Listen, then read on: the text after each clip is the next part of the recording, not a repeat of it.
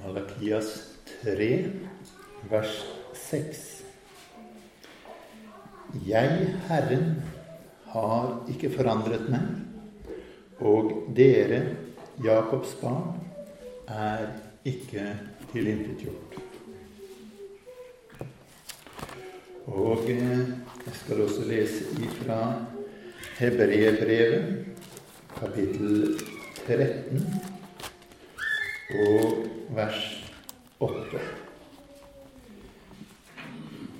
Jesus Kristus er i går og i dag den samme, ja, til evig tid. Og eh, det var disse to versene jeg tenkte å lese. Og jeg tenkte å se litt på dette. Hva betyr det? Og hva betyr det for oss at Gud ikke endrer seg? At han er den samme. Fra evighet til evighet er du Gud. Det er en beskrivelse av en Gud som ikke forandrer seg på noen måte. Og eh, vi skal se litt på det her i dag. Men det er jo gjerne slik med disse versene at de ofte leses for seg selv. Man tar det ut av sin sammenheng, og så leser man verset, siterer verset. Man gleder seg over verset, men man har ikke sett så mye på det som kommer foran, og det som kommer etter. Hvis vi går til Malakias og ser hva som står der så sier han fra vers 5.: Jeg vil komme til dere og holde dom. Jeg skal være snart til vitne mot trollmennene og ekteskapsbryterne, og mot dem som sverger falskt, mot dem som holder tilbake dagarbeiderens lønn og undertrykker enken, og den farløse, de som bøyer retten for den fremmede, og som ikke frykter meg, sier Herren, herskarenes Gud. Jeg, Herren, har ikke forandret meg, og dere, Jakobs barn, er ikke tilintetgjort.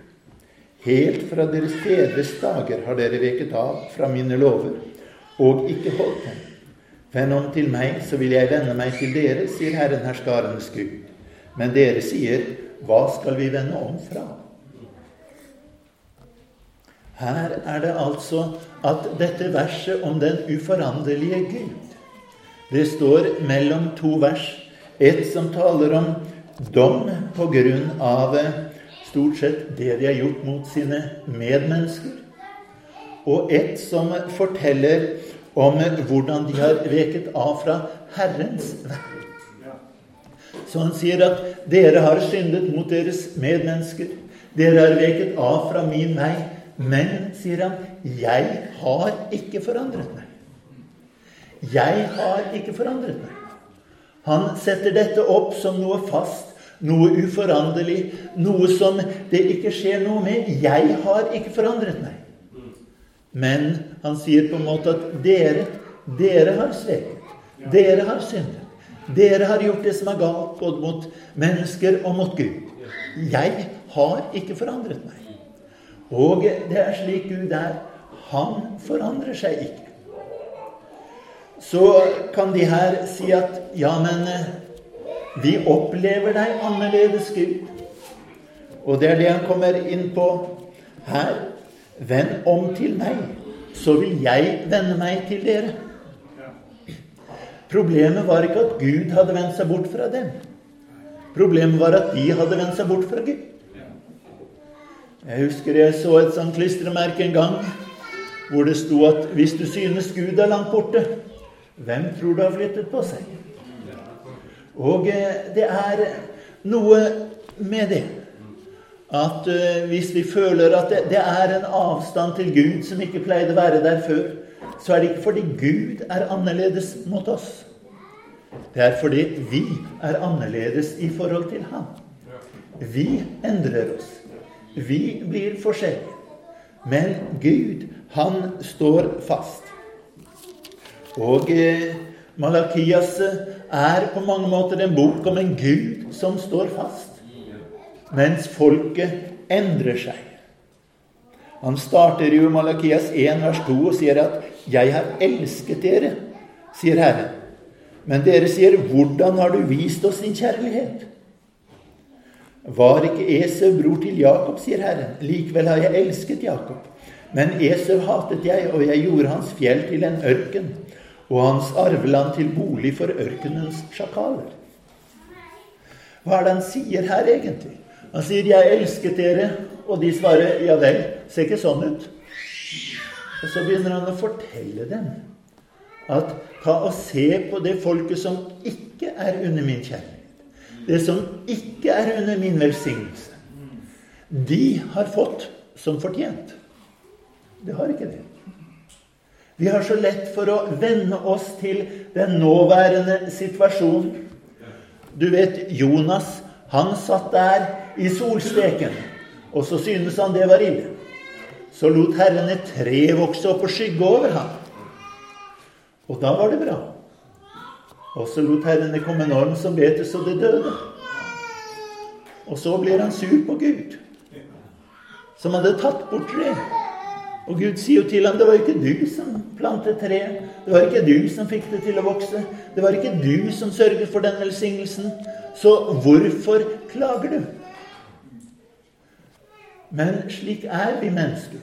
Vi venner oss til hvordan ting er, og så tenker vi at 'jeg skal fortjene det'. Jeg skal fortjene.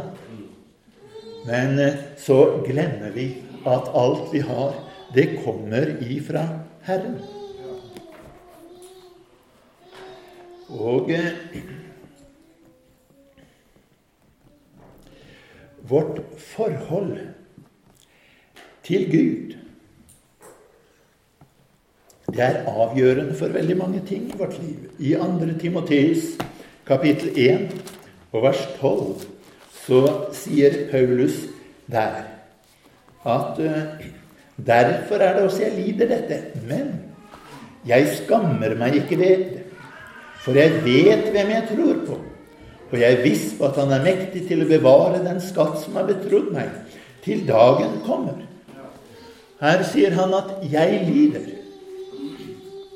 Jeg lider, men jeg skammer meg ikke, for jeg vet hvem jeg tror på. Jeg vet hvem jeg tror på. Med andre ord det som gjorde at Paulus kunne stå fast i hva som helst som skjedde, det var at han visste hvem den levende Gud var. Han sier 'Jeg vet hvem jeg tror på'. Og hvem var det han trodde på? Han trodde på en som er uforanderlig. Han trodde på en som sier at 'jeg er Herren, jeg endrer meg ikke'. Jeg har ikke forandret meg. Han trodde på en som sa at 'jeg er i går og i dag, ja, til evig tid den samme'. Og da er det noe når du tror på en som alltid er den samme, så vet du at mitt forhold til han, det er i alle fall uforandret. Du har kanskje opplevd noen ganger i livet at du kommer bort i noen mennesker du, du, trodde de var dine venner, og plutselig snur de seg mot deg. Du trodde du hadde et godt forhold til dem, og plutselig gjør det deg noe ondt. Men så har du noen andre som står fast. Og tenk hvor godt det er å vite at ja, den har sviktet, den har sviktet, og den har sviktet. Men her har jeg en venn som ikke svikter. Her har jeg en venn som aldri svikter. Og det var det forholdet som Paulus hadde til en levende Gud. Jeg vet hvem jeg tror på. Det gjorde at han holdt ut. Jeg vet hvem jeg tror på. Han var i fare blant falske brødre, skriver han. Han var i fare fra sitt eget folk som han var opptatt, oppvokst med. Han var i fare fra sine slektninger. Han var i fare overalt. Men han visste det er én som står der, som er stødig, som er fast, som aldri endrer seg. Og det, kunne han si, det er min Gud. Det er min Gud. Han er det jeg stoler på. Han er det jeg kommer til.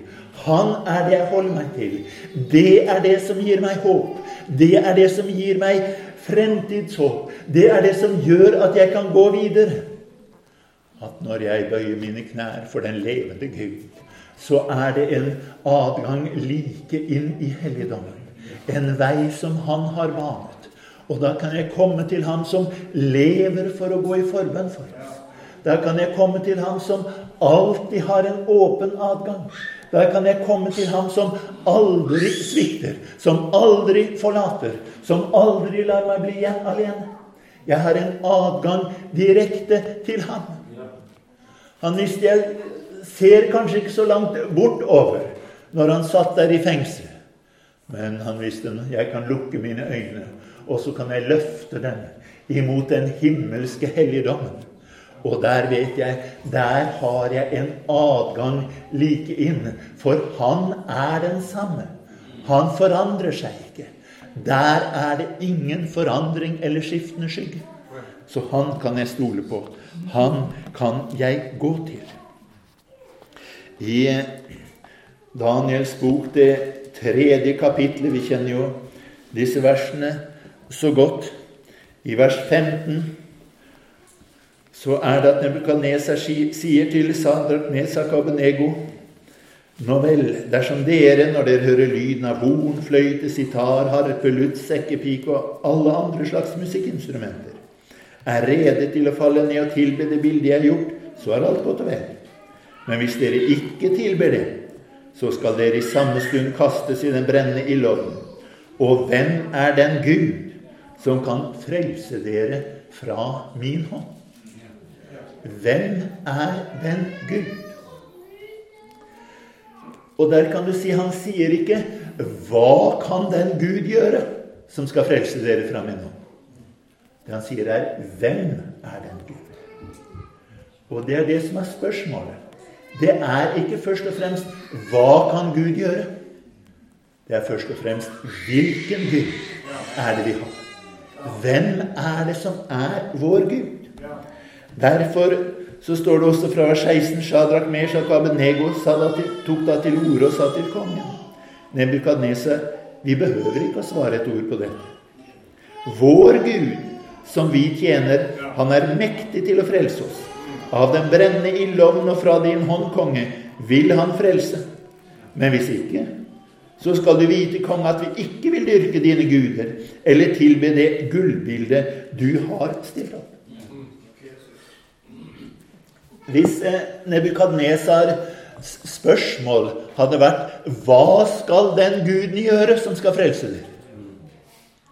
Da ville de måtte avgjøre er vi nå helt sikre på at Gud kommer til å få oss ut av vognen eller ikke. Men det var ikke spørsmålet hans. Hans spørsmål er 'Hvem er den Gud?' Og det de svarer, er 'Vi skal fortelle deg hvem denne Gud er'. Denne Gud er en som, ja, han har mer enn nok makt til å fri oss ut fra alt du vil kaste oss inn i. Men han er også den type Gud som vi kommer til å holde fast ved, uansett hva som skjer. Om vi får det svaret vi ønsker eller ikke, han er den type Gud som vi uansett kommer til å holde fast ved. Og det er det som er så viktig for oss. At vårt forhold til Gud ikke er basert på hva vi mener han bør gjøre. Men det er basert på hvem han er. Hvem han er. Vi vet på hvem vi tror. Og hvem er den Gud? Jo, kan vi si, han er den Gud jeg har satt min lit til. Han er den Gud jeg har kastet meg i armene. Han er den Gud hvor jeg hviler trygt på hans skuldre, og han bærer meg hjem. Han er den Gud. Og uansett hva som skjer, går det oppover eller nedover, så holder jeg meg fast ved denne Gud. For han er i går og i dag, ja, til evig tid det samme. Det er noe ved Gud som jeg tror det er viktig for oss å få tak i. Du vet, i andre Mosebok Første Mosebok ender på en måte greit med Josef og hans høye stilling i Egypt. Men eh, så kommer andre Mosebok, og da er det ikke så greit lenger. Men der, ifra vers 23, så står det i kapittel 2, andre Mosebok 2,23.: Da lang tid var gått, døde kongen i Egypt. Israels barn sukket over sin trelldom og klaget, og deres rop over trelldommen steg opp til Gud. Gud hørte deres sukk, og Gud kom i hu sin pakt med Abraham, Isak og Jakob. Og Gud så til Israels barn, og Gud kjentes ved dem. Det er noe fantastisk ved disse versene. Men hvis du legger merke til, så står det ikke bare at Gud hørte deres sukk og så at de var i stor nød, og så fikk han plutselig medynk med dem. Men det det står, er at da Gud hørte deres sukk, hørte deres bønn, hørte deres rop, så var det at han kom i hu sin pakt med Abraham, Isak og Jakob. Ja, men de er jo døde, alle mann. Abraham er død. Isak er død. Jakob er død. Til og med Josef er død. Men Gud sier at 'jeg inngikk en pakt med Abraham'. Og Abraham er ikke lenger her, så han kan si 'Gud, du inngikk en pakt med meg'. Men Gud viker ikke tilbake fra det ord han har gitt. Selv om Abraham var død, så var ikke Gud død. Og Gud sto for det han hadde sagt. Gud hadde en pakt med Isak. Isak var død. Men så lenge Herren lever, så står den fast. Jakob var død. Men så lenge Herren lever, så er det at Herren kommer i hu. Det var kanskje ingen andre der som kunne komme det i hu, men Herren kom det i hu. Herren husket på det. Herren sa at 'jeg kan ikke fornekte meg selv'. Dette er mitt folk. Og det står der Gud så til Israels barn, og Gud kjentes ved dem. Gud kjentes ved dem på grunn av den pakten som var inngått med Abraham, Isak og Jakob. Så kjentes Gud ved folket. Og det han gjorde, var et resultat av at Gud står fast. At han endrer seg ikke. Gud sa ikke at 'ja, jeg har snakket med Abraham og Isak og Jakob', men det er så lenge siden. Nå har jeg bestemt ham for noe helt annet. Nå kan dere bare glemme det jeg sa til dem. Jeg, jeg har endret meg. Men det er det jeg, Herren, har ikke endret. Dere Israels barn er ikke tilgitt. Jesus Kristus er i går og i dag, ja, til evig tid den samme. Og eh, vår tro på Gud er ikke bare en tro på Gud, men det er en tro på en uforanderlig Gud. Det er en tro på en Gud som står fast på det han har sagt. Det er en tro på en Gud som ikke går ifra sine løfter. Det er en tro på en Gud som ikke forandrer seg. At i går sa han at 'jeg er kjærlighet', men i dag så, så er han ikke det lenger. Nå er han mer likegyldig. Du vet, det er slik i ekteskap noen ganger. De er lidenskapelig forelsket. Og så går det noen år, og så er man helt likegyldig. Men det er ikke hvordan Gud er. Han endrer seg ikke. Han er evig og uforanderlig i alt det han holder på med. Vi kan eh, se bare litt på David i første Samuels bok. 17. David og Goliat, de kjenner vi jo litt til.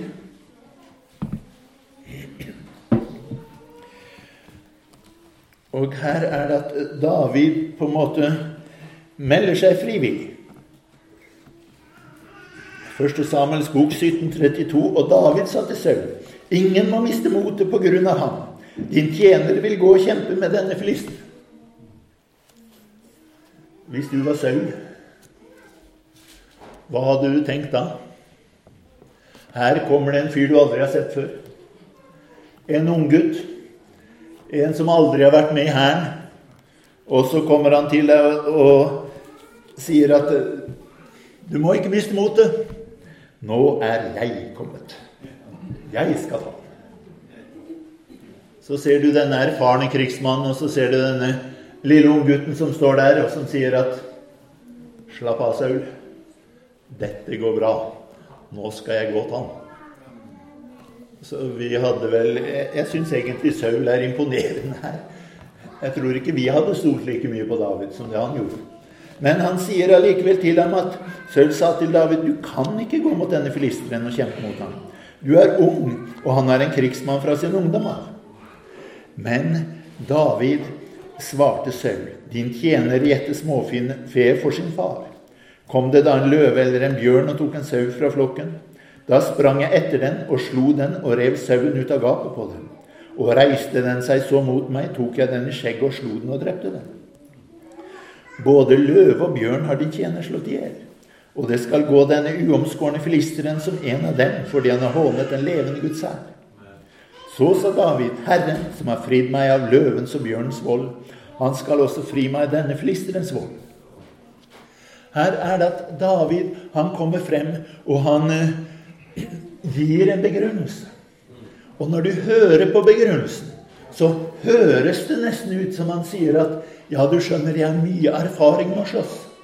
Jeg slåss imot løver, jeg slåss imot bjørner. Så dette kommer jeg til å vinne, fordi jeg har kamperfaring.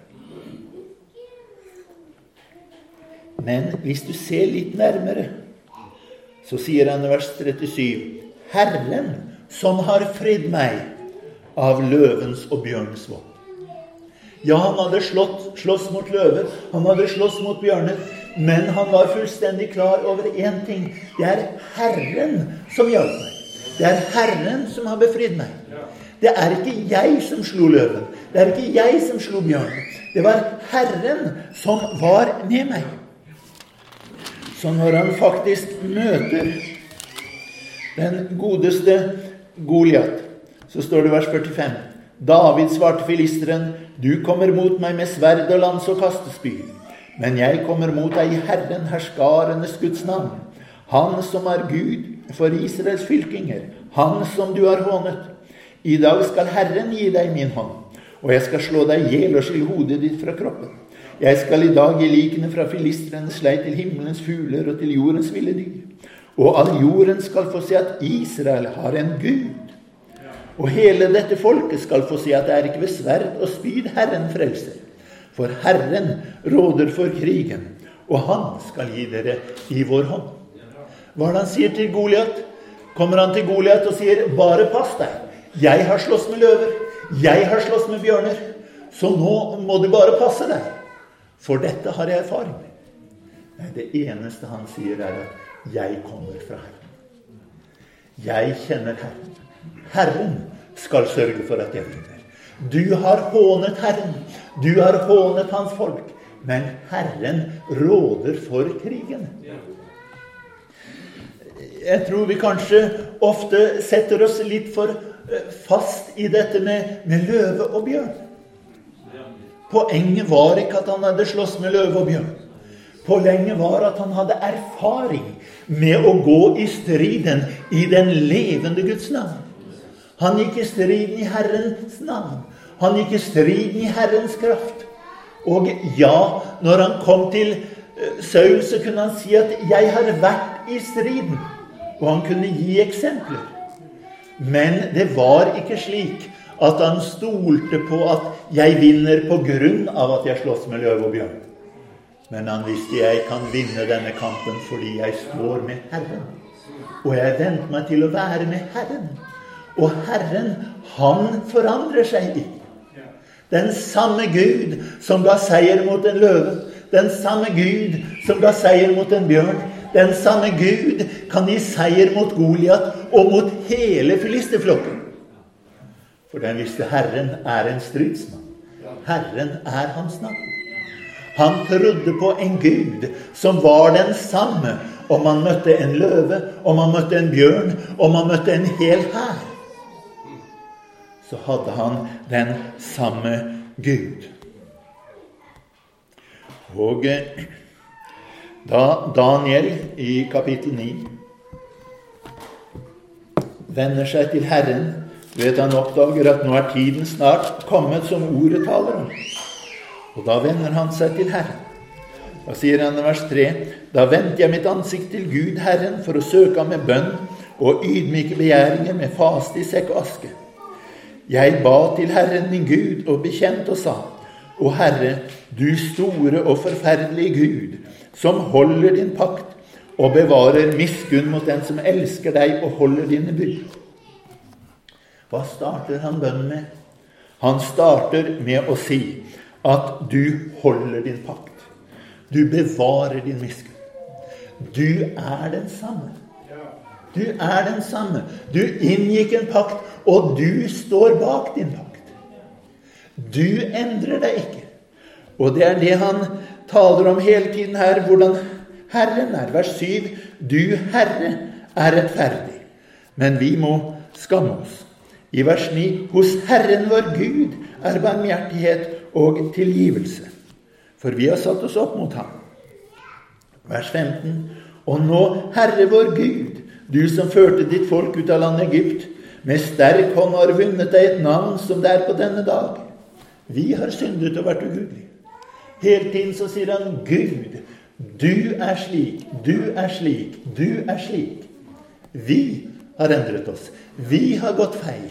Vi har handlet feil. Vi har syndet. Vi har falt. Men Gud, du er fortsatt misunnelig. Du er fortsatt barmhjertig. Du er fortsatt den som står ved din pakt. Du er Gud, og slik er Gud. Og hele dette så sier han og Det er litt interessant hvordan han begynner med å si at du bevarer miskunn mot dem som elsker deg og holder dine bud. Vi har syndet og gjort ille. Så på en måte med en gang så diskvalifiserer han dem. Vi er ikke helt dekket av det, men allikevel Gud, du står fast. Du endrer deg ikke. Og jeg tror hvis vi kan få denne holdningen hele tiden Vår Gud, han endrer seg ikke. Vår Gud, han har muligheter som fienden ikke vet om.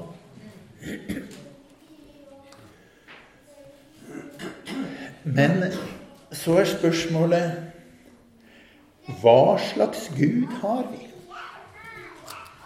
Hva slags Gud har vi? Vi har en erfaring med Gud. Men i første kongebok, kapittel 20, så står det litt om noen som hadde en erfaring med Gud, men som allikevel gjorde en grundig feil. I første kongebok 20 eh, og vers 23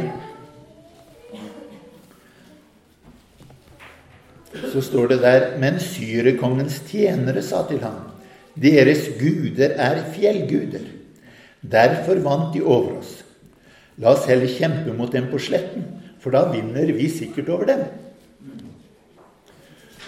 Og så står det i vers 28 Da trådte Guds, til, Guds mann fram og sa til Israels konge Så sier Herren, fordi syrerne har sagt Herren er en fjellgud og ikke en dalgud, så vil jeg gi hele denne store mengden i din hånd og dere skal kjenne at jeg er Herren.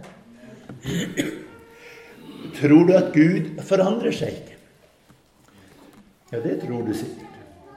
Det er vel ingen her som sier at 'Å nei, jeg, jeg tror at Gud han forandrer mening', han svirrer litt fram og tilbake, og han er ikke helt til å stole på. Det, det sier vi ikke. Men iblant når vi sier at Gud, han endrer seg ikke så kan vi lett tenke at Gud endrer seg ikke i forhold til det jeg har opplevd av Gud. At slik jeg har opplevd Gud, slik kommer han alltid til å være.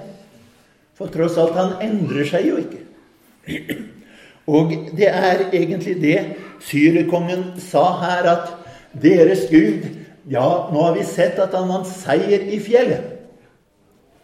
Så nå har jeg funnet ut han er en fjellgud. Det er min erfaring. Han er en fjellgud. Og han endrer seg ikke. Så jeg kommer ikke til å angripe han i fjellet igjen. Men jeg skal angripe han i dalen. For der er han ikke. Der har han ikke makt. Jeg har personlig erfaring med at Gud er mektig på fjellet, så jeg tror på hans fjellmakt. Men jeg tror ikke på hans dalmakt. Er det noen som kjenner seg igjen? Har du noen gang vært der hvor du har sagt at ja, ja, slik kjenner jeg Gud, så det stoler jeg på. Men nei, der Der er han på en måte ikke Gud. Du kan høre den narkomane som har kommet til Herren. Og han vitner og sier at ja, hadde det ikke vært for at Herren løftet meg opp, så hadde jeg vært død. Hadde ikke vært for at Herren grep tak i meg, så hadde alt vært ille. Men nå har Herren grepet tak i meg, og nå er jeg kommet inn til avrusning. Og nå, og, og, men, men be for meg. Jeg kjenner jeg trenger hver dag at Herren hjelper meg for å holde meg borte ifra rusen så har han en Gud som hjelper imot rus. Men så går det noen år. Så blir han rusfri. Og han får seg hus, og han får seg jobb, og han får seg ektefelle, han får seg familie. Og plutselig så er den som hver eneste gang vitnet om at 'Å, jeg trenger Gud hele tiden'. Jeg trenger Gud hele tiden så er Gud for ham blitt en rusgud. En som frir ifra rusen. Men han har ikke en gud som er der for den som er vellykket. Som har jobb, som har familie, som har hus og hjem. Du har mange ungdommer som har virkelig vært ivrige for Gud og stått for Gud. Men det de har hatt, har vært en, den ensliges og fries Gud. Når de får seg jobb og familie og mange ting å gjøre, så plutselig så er det liksom som at den som var så ivrig en gang, ikke lenger er det. Det har skjedd en forandring. Og man husker bare på Gud slik som han en gang var. Du har mennesker de har vært med i vekkelse. Og hele resten av livet så snakker de om den gangen Gud møtte oss i vekkelsen. For alt de har, er en vekkelsens Gud. Men når, om du vil, hverdagslivet kommer tilbake, så har de ikke en Gud. De har en fjellgud der på de åndelige høyder. Men i dagliglivets daler så har de ikke en Gud. Når de kommer på møte du vet, Så lenge det var vekkelse, så kom de på møte, og da kunne de vitne, og da kunne de synge, og da kunne de be. Men i hverdagslivets daler så har de ikke en dalgud. Gud, han endrer seg ikke. Men det er viktig at vi ser på hvordan er Gud. Det er ikke bare min personlige erfaring med Gud som gjelder. Men det gjelder Gud er den han er. Og jeg må finne ut hvem Gud er. Tenk deg et, et lite barn som er hos sin mor. Den begynner livet på innsiden. Og hvis du hadde spurt dette barnet hva er mamma, så hadde han sagt at nei, mamma er en bolig. Jeg bor inni mamma. Og så er det noen sånne koselige hjerteslag jeg hører, og så er det en stemme jeg hører, men først og fremst mamma er en bolig. Så kommer jo barnet ut. Og hvis du nå spør barnet, så vil de si som så at ja Hvem er mamma? Ja, mamma har endret seg. Hun er ikke en bolig lenger. Nå har hun en matstasjon. Men heldigvis er hun fortsatt varm og god når jeg får den nå. Og jeg kan fortsatt høre hjertebanken, men, men nå har mamma endret seg. Men hadde du spurt mamma, så hadde hun sagt at nei, jeg er mamma. Jeg endrer meg.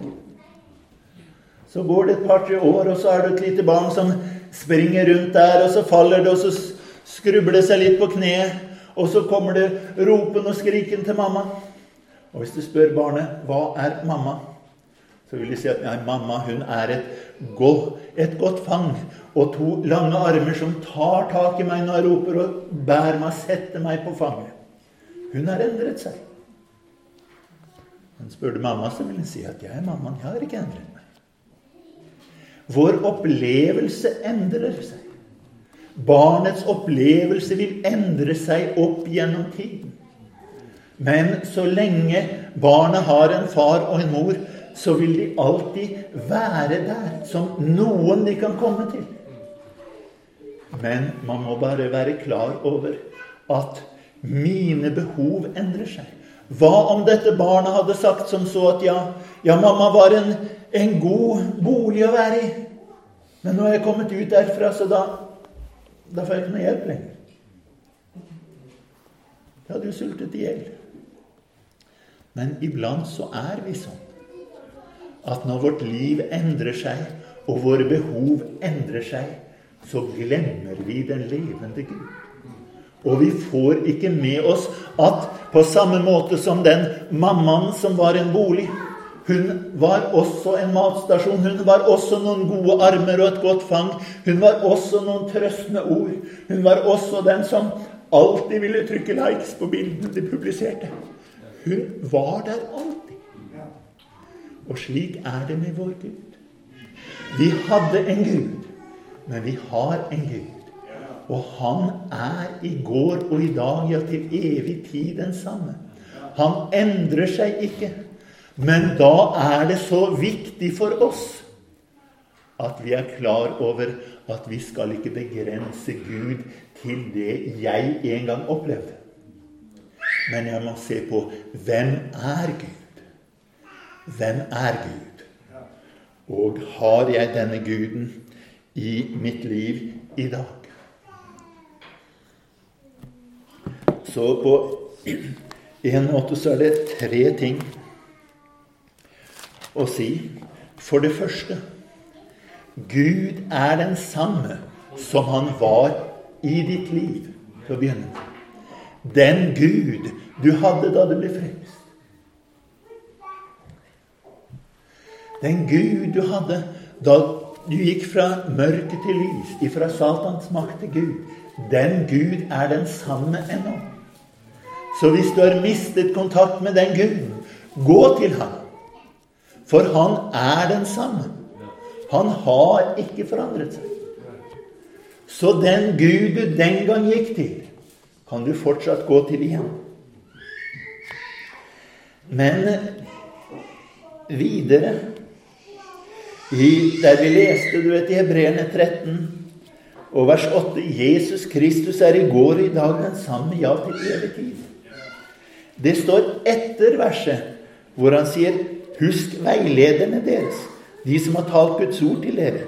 'Legg merke til utgangen deres livsferd fikk, og følg etter dem i deres tro.' Jesus Kristus er i går og i dag den samme. Med andre ord, han sier ikke bare se på hva du selv har opplevd, men se på hva andre har opplevd. Andre har opplevd et møte med Gud på en annen måte enn hva du har opplevd. Så legg merke til utgangen på deres livsferd. Ta og Se på de eldre som har gått foran. Hør på hva de har fortalt av hvilke kamper og strider de sto i. Hvilke erfaringer de har gjort. Ta Les gjerne biografier av folk som har gått foran, og se hvordan Gud var med dem. Og når du har lest den, så etterfølg dem i deres tro, for Jesus Kristus er i går og i dag den samme. Ja, til evig tid. De som har forlatt oss. De hadde ikke en annen Gud enn vi har. De som har gått foran, de hadde ikke en annen Gud. Men den guden de hadde, han er den samme i dag. Det de vitnet om, det vil også vi kunne vitne om hvis vi kommer i den samme situasjonen. Og den Gud som hjalp dem, den Guden kan jo så vi gå til. Og han vil hjelpe oss. For han er i går og i dag den samme. Vi må åpne våre øyne og se litt videre. Ikke bare se på min egen personlige erfaring, men ta og se litt ut og se på den erfaring som mennesker som har gått foran oss, har hatt. Og tenke ja, takk Gud, at du som var deres Gud, du er også min Gud. Du som var med dem, du er også med meg. Du som styrket dem, du vil også styrke meg. Og så kan vi lese i Bibelen og si at ja, du som var med Sadrak, Mesak og Abednego, du vil også være med meg. Du som var med Daniel, du vil også være med meg. Du som var med David, du vil også være med meg. Du som var Paulus en Gud, du vil også være med meg. Vi har en Gud som ikke endrer seg. Og denne Gud kan vi komme til. Men først og fremst la oss lese Guds ord og sette oss inn i Guds ord. Og lese den ikke bare for å lese. Det er så lett, du vet Man kan ha bibelleseplaner. Så skal du lese så og så mye. Og det gjør du. Du har kanskje til og med en sånn varsel som spretter opp på telefonen din og sier at 'nå må du lese'. Så griper du telefonen, og så leser du, og så får du krysset av. Og så kan man være fornøyd og si at 'nå har jeg fått et kryss'. Men veldig ofte så er det slik at vi, vi leser, og så glemmer vi hva som står der. Man blir opptatt med bare så viktig det er å lese igjen. Men som en sa den gang, det viktige er ikke om du har gått gjennom ord, men om ord har gått gjennom deg. Og det viktigste er ikke at jeg har lest noe, men at jeg har stilt spørsmålet hva forteller dette meg om den levende Gud? Og at jeg begynner å tenke og sier at Herre, nå ser jeg hvordan du er. Nå ser jeg en ny side av deg. Nå ser jeg en side av deg som jeg visste om, men som jeg har glemt. Nå opp, oppdager jeg noe som jeg ikke har tenkt på på lenge. Men takk Gud at du er slik, og at du er i går og i dag den samme. Takk at du har ikke endret deg. Og når Skriften sier at sånn er du, så er du sånn. Og da får jeg lov til å komme til deg og få erfare deg fra den siden. Gud, han har ikke endret seg. Fra første Mosebok til åpenbaringen er han den samme Gud. Og i dag så er han den sanne Gud. Og denne Gud, den kan vi få lov til å komme til. Så la oss ikke ende opp med å være et folk som er uten Gud. For det er mulig å være en praktisk ateist, selv om det ikke er en teoretisk ateist. Hvis jeg aldri leser Herrens ord, hvis jeg aldri ber til Ham, hvis jeg aldri tenker på Ham, da er jeg praktisk praksis en ateist. Hvis Gud ikke betyr noe for meg, da er jeg i praksis en ateist. Hvilken filosofisk overbevisning du har, spiller ikke så stor rolle. Men hvis han aldri er til stede i mitt liv, er jeg ikke da blitt en ateist? Men la oss tenke. Dette ordet, sier han, skal du gjemme i ditt hjerte. Du skal samtale med dine barn. Skal være der når du står opp, når du legger deg, når du går på veien. Kan vi si at sånn er det med oss? Han tenker jeg på på morgenen. Han tenker jeg på på kvelden. Han tenker jeg på i løpet av dagen. Gud er en Gud som er for meg og med meg og hos meg fra morgen til kveld. Ja visst holder vi på med ting, men det er en Gud som til stadighet kan gripe tak i meg. Til stadighet så er jeg opptatt med ham. Til stadighet så er mitt liv dannet og formet av ham. Det er slik det skal være. Og er det ikke slik, så må vi komme til den situasjonen at vi kan si 'Slik vil jeg ha det i mitt liv'. Hvis du synes det høres litt fanatisk ut Vel Hvis det skulle bli en fullstendig solformørkelse, så merker du det. Det er ikke sikkert du hele tiden går og stirrer på solen. Men hele tiden så er den der, og du merker at den er der. Men det er hvordan vårt forhold til Gud kan være. Han er den solen som hele tiden lyser over oss. Og vi merker hvis han ikke er der. Vi merker det. Og det er det Herren ønsker av oss. At vi hele tiden skal være i Hans lys. Hele tiden være i Hans åpenbaring i hans velsignelse. At alt vi tenker, alt vi gjør, er påvirket av hvem den levende Gud er. Så hvis du aldri har hatt dette forholdet til Gud, så er det en vei til ham. På Golgata døde han for å lage en vei for oss like inn i helligdommen. Hvor vi kan komme til ham, og hvor vi kan rope ut til ham for frelse. Men ikke bare det. Den veien er også åpen for at vi hver dag kan komme og legge alle våre begjæringer fremfor ham i påkallelse og bønn med takk, slik at vi ikke trenger å være bekymret for noe, men i alle ting kan vi sette våre lit til ham. Amen. Kjære Gud og Far. Jeg ber deg, Herre Jesus Kristus, la oss se, Herre, at du er en uforanderlig Gud, og at du alltid er der. Herre.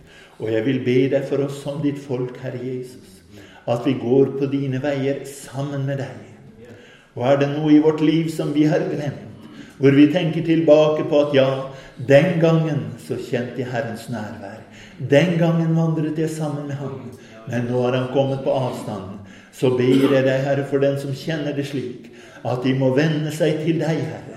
Omvende seg fra hva de er så opptatt med, å vende seg til deg og søke deg igjen, for du vil gjerne forlate alt.